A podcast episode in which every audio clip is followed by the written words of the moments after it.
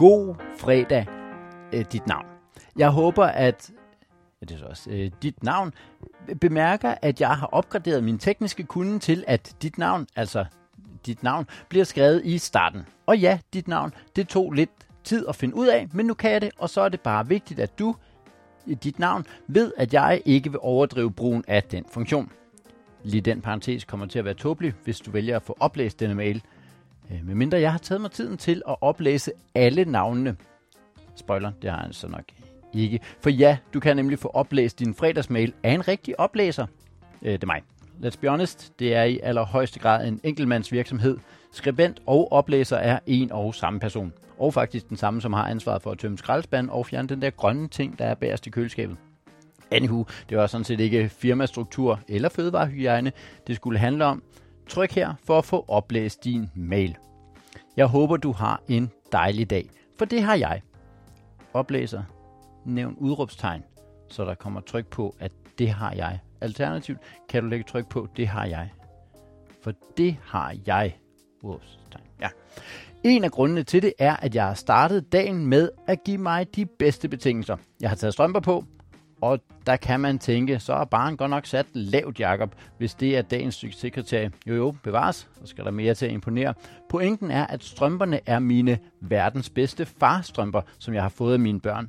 Og det kan et eller andet at starte dagen med at minde mig selv om den præstation.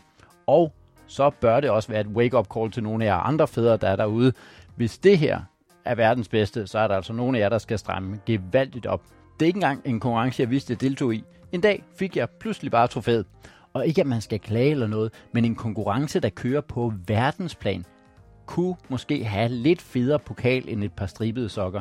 Det er fint, det er fint, men det er jo ikke lige frem, så jeg kan trække mig tilbage og leve af renterne, som er et udtryk fra min barndom, jeg ved. Slet ikke om det altså med økonomien i dagens Danmark er en mulighed længere, og det var det jo heller ikke dengang. Udtrykket blev kun brugt i forbindelse med, at det ikke var noget, man kunne. Og det er svært at blære sig med, for titlen står øh, under foden, så hvis jeg har sko på, så er jeg nødt til selv at nævne det for folk, hvilket jeg gør. Øh, ja tak, ja, bare på beløbet tak. Jeg er jo et verdens bedste far, vil du se mine sokker. Øh, og, og så er det delt, så verdens bedste står på den ene sok, og far står på den anden, så jeg må heller ikke holde fødderne for tæt, fordi så er jeg pludselig verdens bedste far, hvilket øh, ganske simpelt er faktuelt forkert. Det betyder også, at det er vigtigt, at jeg tager dem på i den rigtige rækkefølge, for det ellers kommer til at lyde som om mine børn stiller et lidt skeptisk spørgsmål. Far? Verdens bedste? Det tvivler jeg stærkt på. Han har for eksempel lige tvunget en ekspedient i Lille til at se sine sokker. Øh, øh, rent sprogligt ved jeg faktisk ikke, hvem der viser sokker i den her situation. Om det er Hans eller Sine eller en fyr, der hedder Hans, der også tilfældigvis stod i køen. Nogen viser i hvert fald sokker, eller nogle. Jamen, det bliver usikker igen. Klæder skaber i hvert fald folk, og en fredag som i dag, der skaber jeg mig gerne i mine verdensmesterstrømper. Jeg håber, du har verdens bedste fredag, og at du i øvrigt ved, at du er verdens bedste MU-sokker. Du er som altid meget, meget velkommen til at skrive tilbage til mig, både hvis du er verdens bedste til noget, eller hvis du har noget tøj, eller sådan et power move, som du altid ved skyder din dag 10% bedre fra start. Eller bare for at sige god weekend. Venligst, Jakob. Der var så mange, der skrev tilbage om de pillevenner, I har haft. Det var både sjovt og faktisk virkelig rørende at læse. Tak. Uh, Anders havde for eksempel en svensk penneven, der hed Hanne.